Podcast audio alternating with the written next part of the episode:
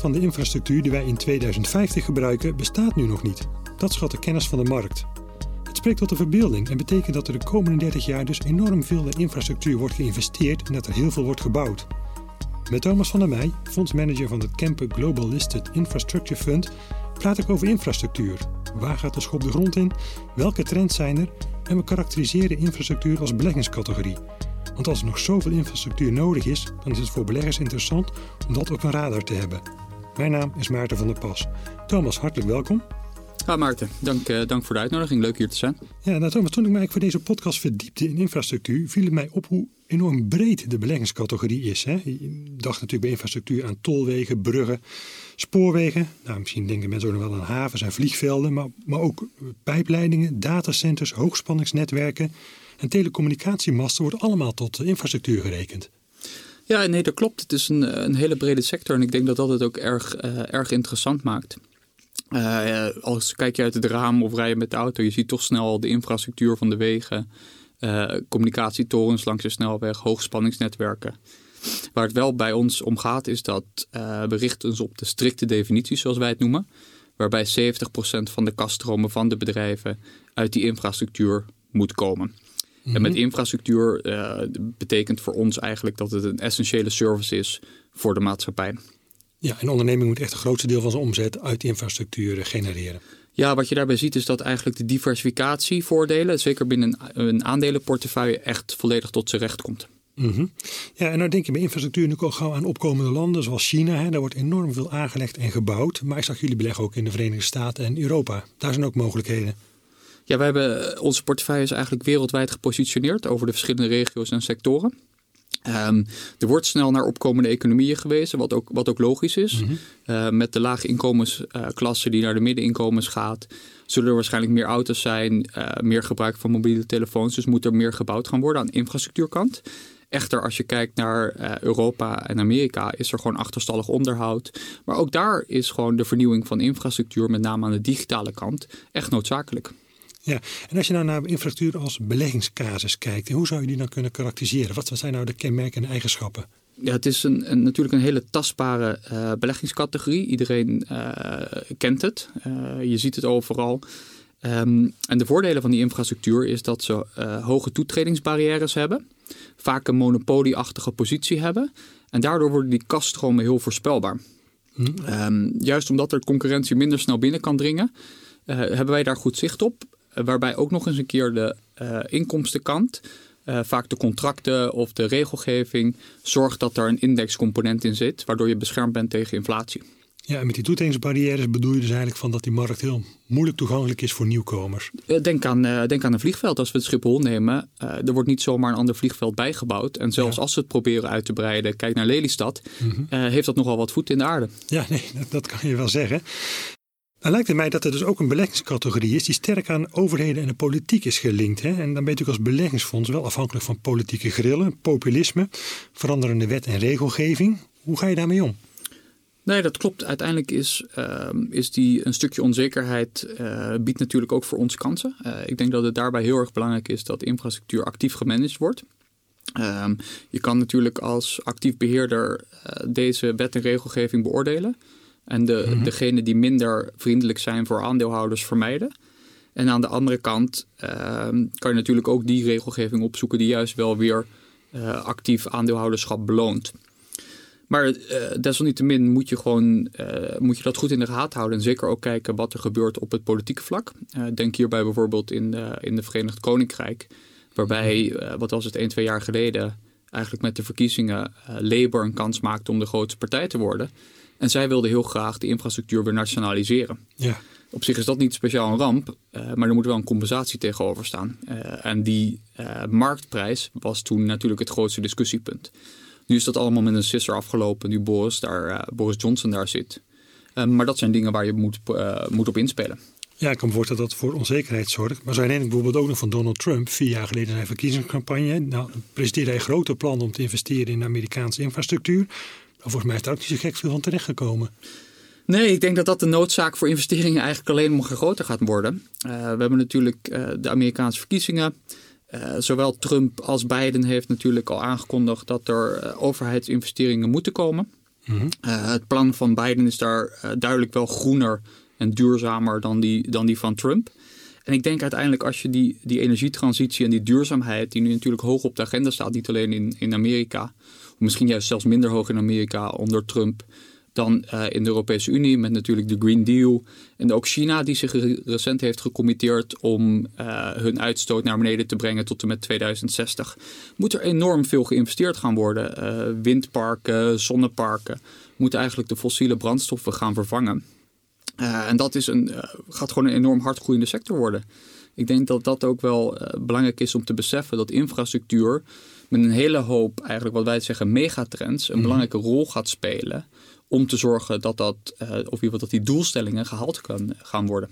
Ja, het is ook in Amerika wel interessant wie dan straks die verkiezingen wint. Ja, dat bepaalt ook wel in wat voor soort infrastructuur geïnvesteerd gaat worden.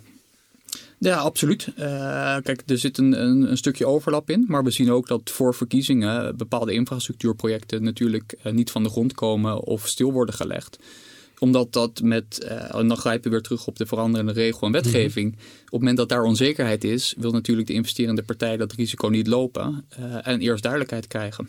Ja, ik wil nog even die COVID-19-crisis aanstippen. Hè. Infrastructuur bleek niet immuun eh, te zijn voor het coronavirus. En nou, we zien allemaal nog wel de, de beelden van de vliegvelden die volledig verlaten waren. Hoe hard is infrastructuur nou geraakt door de coronapandemie? We hebben natuurlijk, um, toen we dit, dit, dit, gesprek begonnen, waar stipte je al de brede uh, definitie aan, of in ieder geval de verschillende sectoren die gekofferd worden binnen mhm, infrastructuur. En daar hebben we een heel groot verschil gezien. Aan de ene kant, uh, en dat punt maak je terecht, zijn vliegvelden natuurlijk enorm hard geraakt. Uh, het aantal passagiers dat zich vervoerde is gewoon heel erg, uh, heel erg beperkt gebleven. En het herstel uh, is ook niet gekomen na natuurlijk de initiële ehm, crisis of de reactie in, in maart, april van dit jaar. Andere kant zie je dat transport op de wegen juist wel weer goed is teruggekomen. Mensen voelen zich toch comfortabeler in hun eigen auto. En waarbij de, het aantal auto's met alle restricties in maart, april zeer beperkt was op de weg zien we dat eigenlijk nu weer redelijk dicht tegen het niveau aankomen van, uh, van vorig jaar, van 2019. Mhm. Havens uh, zien we dezelfde trend, waarbij zeker voorraden uh, die niet waren aangevuld in het voorjaar nu weer massaal vervoerd gaan worden om te zorgen dat dat op, op peil komt. Andere infrastructuur, denk aan de nutsbedrijven, de, de zonneparken, de windparken, die bleken juist heel defensief. Uh, Uiteindelijk gebruiken we nog steeds stroom, uh, schijnt de zon nog steeds, waait het nog steeds. Dus loopt dat goed door. En dan heb je de digitale infrastructuur, de meer nieuwere infrastructuur. Denk aan de datacenters, de communicatietorens.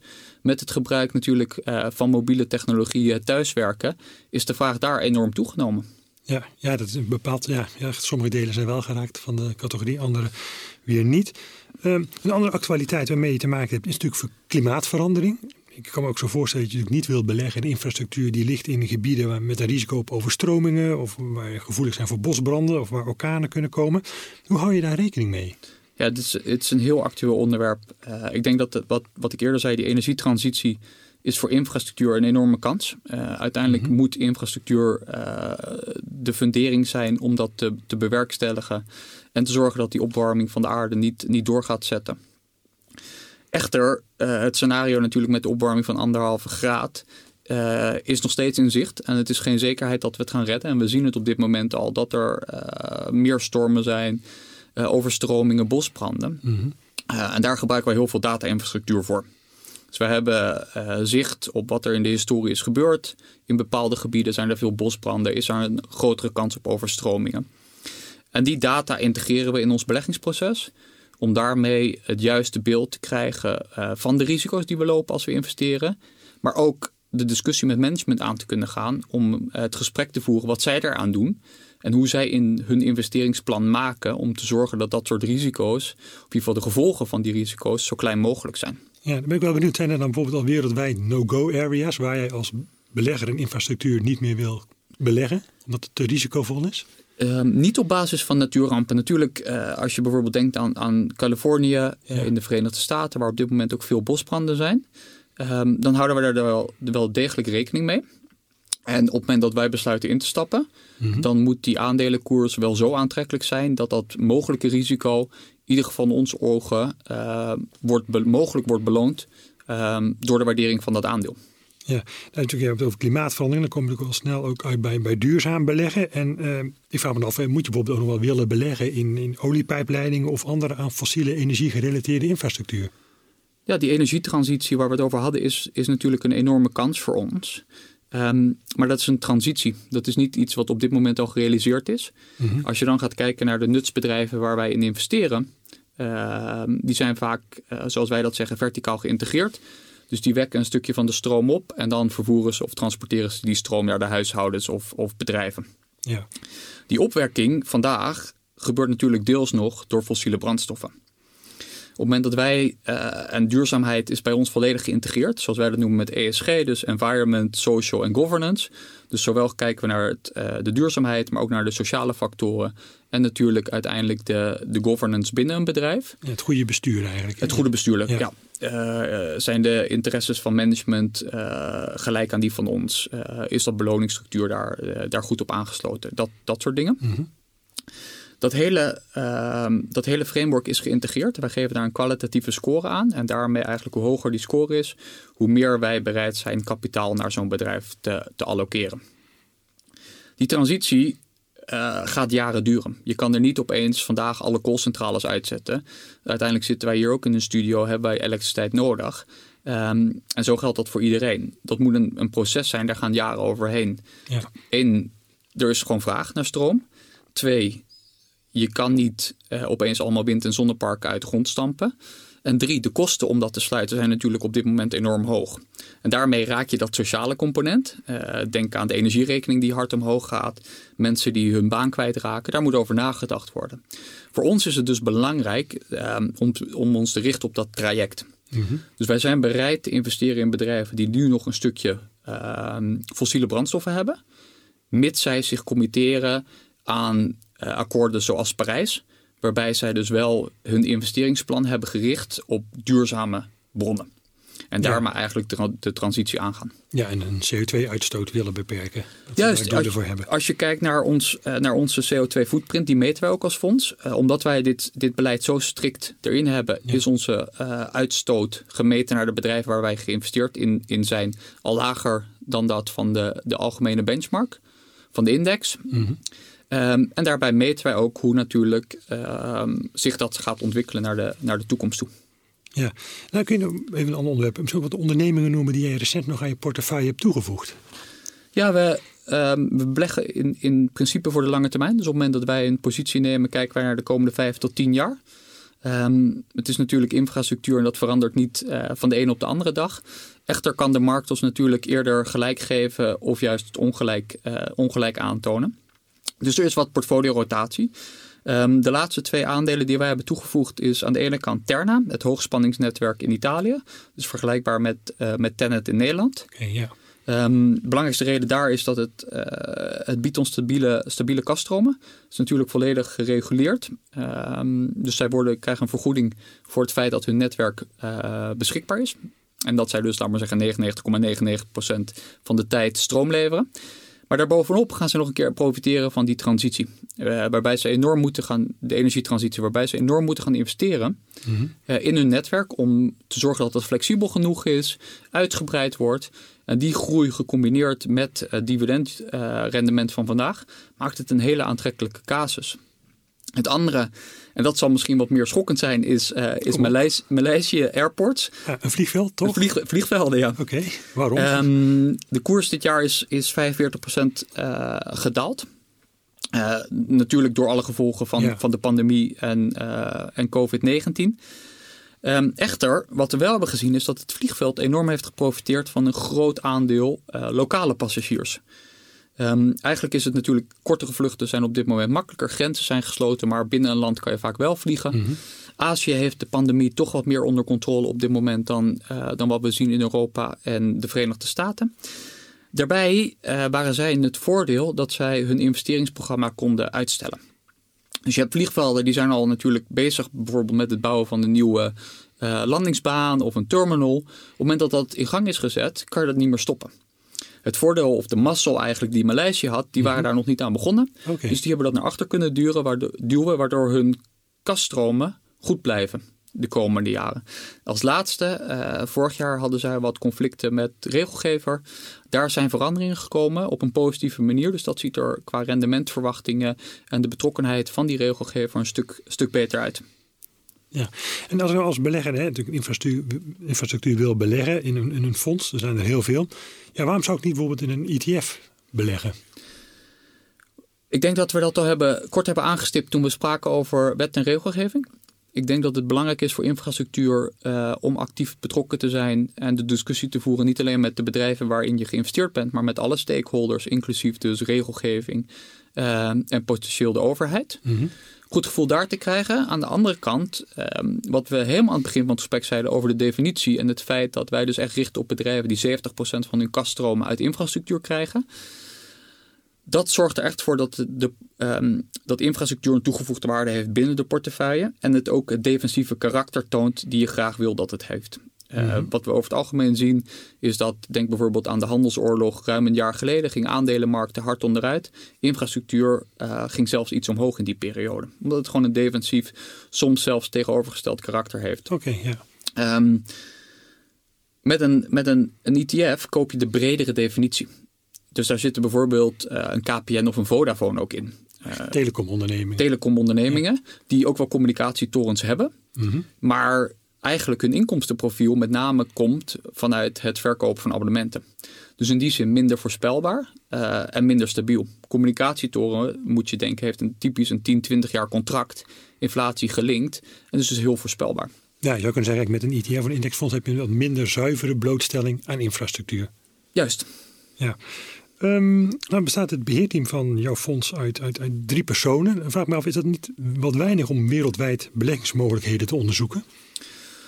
Wat wij hebben, waarvoor wij hebben gekozen is dat wij uh, het team geleidelijk willen opbouwen. Uh, en daarvoor gekozen hebben we een team met veel ervaring. Dus gemiddeld zo'n zo'n 15 jaar. Uh, verschillende achtergronden hebben. Op, op researchgebied, op portfolio management gebied, maar ook op datagebied. En ik denk zeker dat laatste punt is heel belangrijk om dat binnen de hele waarderingscyclus in, in beschouwing te nemen. Omdat wij die datastructuur hebben en gebruik maken van, uh, van de data die beschikbaar is, allemaal openbare data. Dus concurrenten zouden dat ook kunnen doen, maar omdat wij dat goed integreren en de juiste ehm, puntjes met elkaar verbinden, kunnen wij sneller conclusies trekken. En krijgen we ook de juiste signalen vanuit die data-infrastructuur om te reageren op trends die we zien in de markt. Of opeens rare veranderingen in, uh, in termen van, uh, van wat we zien op de, de kaststromen of op de balans, dan wel in de omgeving van, van die infrastructuur. Ja, dus ik begrijp, het begint eigenlijk met die enorme database die jullie hebben aangelegd met allerlei informatie over infrastructuur wereldwijd. Correct. Ja. Um, en als we nu kijken naar al die grote trends, hè, we hebben eigenlijk al een paar genoemd in, in, in dit gesprek: hè, klimaatverandering, energietransitie, urbanisatie, COVID-19. Wat is dan jouw toekomstvisie op uh, infrastructuur? Ja, ik denk dat je het, dat je het al aanstipt. Uh, uiteindelijk is infrastructuur niet cyclisch groeiverhaal, waarbij een aantal van deze megatrends, wat, wat je aangeeft met digitalisering. Um, als ik kijk naar mijn kinderen en hoe zij hun telefoon gebruiken, dan is dat al. En de dataconsumptie die erbij hoort, dan is dat al vele, malen, vele malen meer dan, dan hoe ik het doe. Um, maar de energietransitie met schone energie. Er moet zoveel geïnvesteerd worden om deze trends mogelijk te maken. Uh, en de, de, de vraag is er natuurlijk al. Um, dat we gaan zien dat met die 75%, uh, eh, zoals jij in inleiding zei, die nog gebouwd moet worden van alle infrastructuur in 2050, gaat het in mijn ogen een van de hardst groeiende sectoren uh, wereldwijd worden. Het is ook een sector, zeker um, aan de beurs tenminste. Kijk, infrastructuur is al eeuwenoud. Mm -hmm. Maar beursgenoteerd infrastructuur is een relatief jonge sector. Um, waarbij je ook ziet dat uh, nog niet heel veel grote partijen dat volledig omarmd hebben. En dat biedt juist heel veel kansen. Aan de directe infrastructuur, dus het, het kopen van vliegvelden door pensioenfondsen verzekeraars, is al ver mm -hmm. ontwikkeld. Ja. Daarmee en met het kapitaal dat die, die sector instroomt, zijn de prijzen enorm opgedreven. Uh, en is er een gat ontstaan met de beursgenoteerde markt. En in mijn ja. ogen is het alleen maar een kwestie van tijd dat dat gat ook nog een keer gedicht gaat worden. Dus je hebt een combinatie van dat niet-cyclisch groeiverhaal, de lange termijn uh, sterke groeiverwachtingen, plus nog een stukje tactisch rendement, uh, omdat de beursgenoteerde sector relatief jong is, die het heel aantrekkelijk maakt. Bedankt Thomas voor jouw uitgebreide toelichting op infrastructuur. Het is naast een hele brede ook een hele actuele beleggingscategorie en veel maatschappelijke en economische ontwikkelingen raken aan infrastructuur. Deze beleggingscategorie heeft ook een defensief karakter het is voor beleggers een categorie om in de gaten te houden. En kijkt u thuis of onderweg maar uit het raam, dan kunt u ontwikkelingen zelf volgen